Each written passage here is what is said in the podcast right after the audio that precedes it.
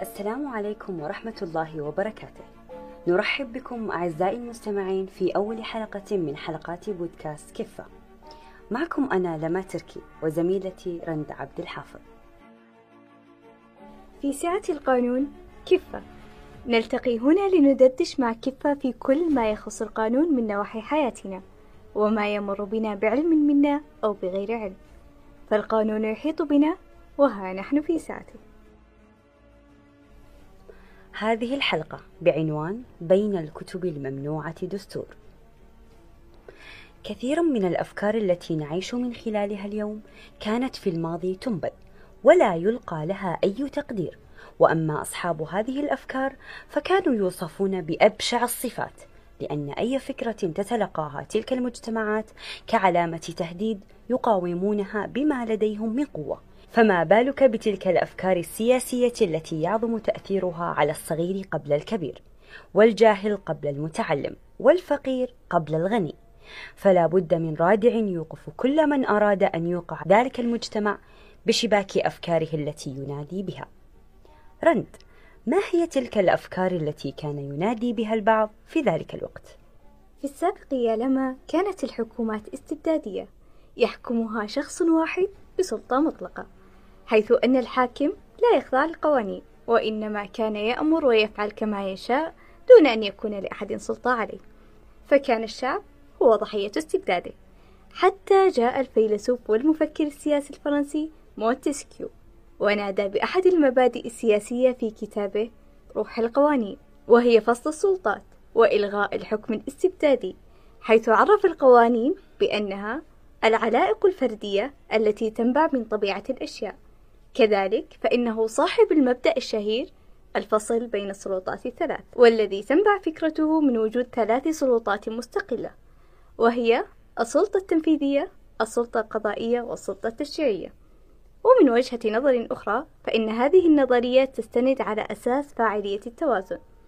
ذلك لأن الأفراد كالمجموعات سريعا ما يلجؤون لإساءة استخدام السلطة ولذلك ينبغي أن توزع هذه السلطات حتى يتسنى المحافظة على توازنها.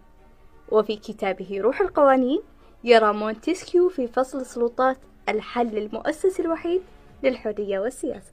ومن هنا يطرح تساؤل من هو مونتسكيو؟ ولماذا جاء بفكرة كتاب روح القوانين؟ ومن أين استلهمه؟ أكانت أفكارا شخصية أم مستوحاة من كتب وقوانين أخرى؟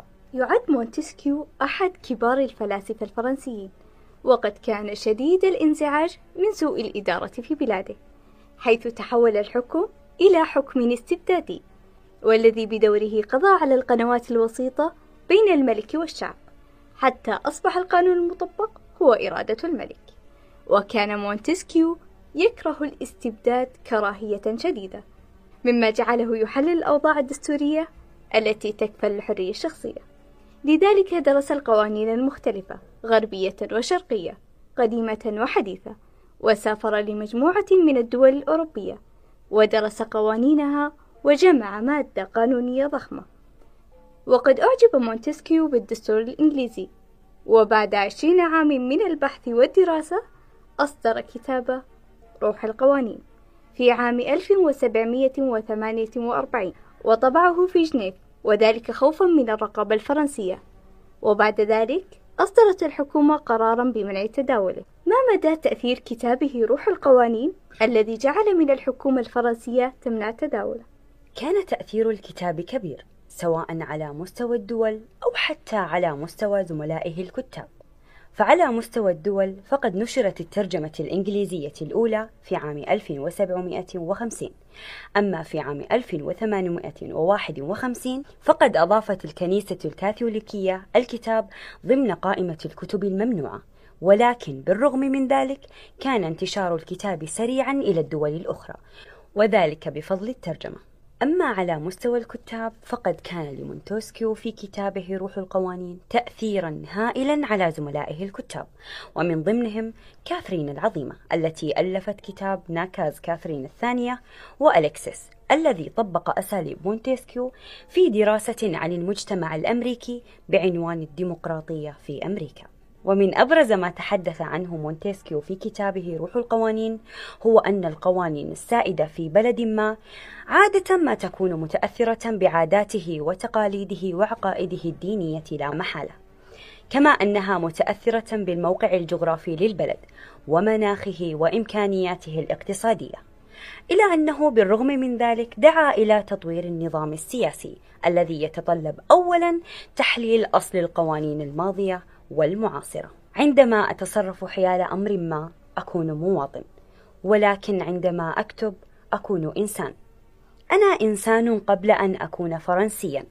ذلك لأنني إنسان بقوة الضرورة. ولست فرنسيا إلا بروح المصادفة. كتبها مونتسكيو في أحد تأملاته الفكرية.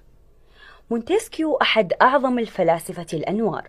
مفكر القرن الثامن عشر. رجل حر.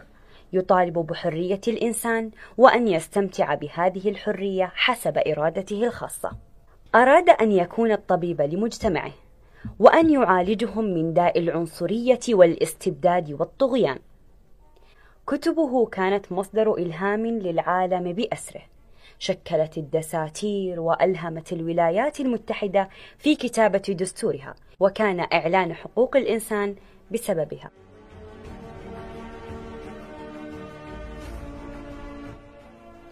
شكرا لاستماعكم أصدقاء كفة إذا أعجبتكم هذه الحلقة شاركوها أصدقائكم. شاركونا آراءكم في هاشتاغ بودكاست كفة وانتظرونا بالحلقات القادمة.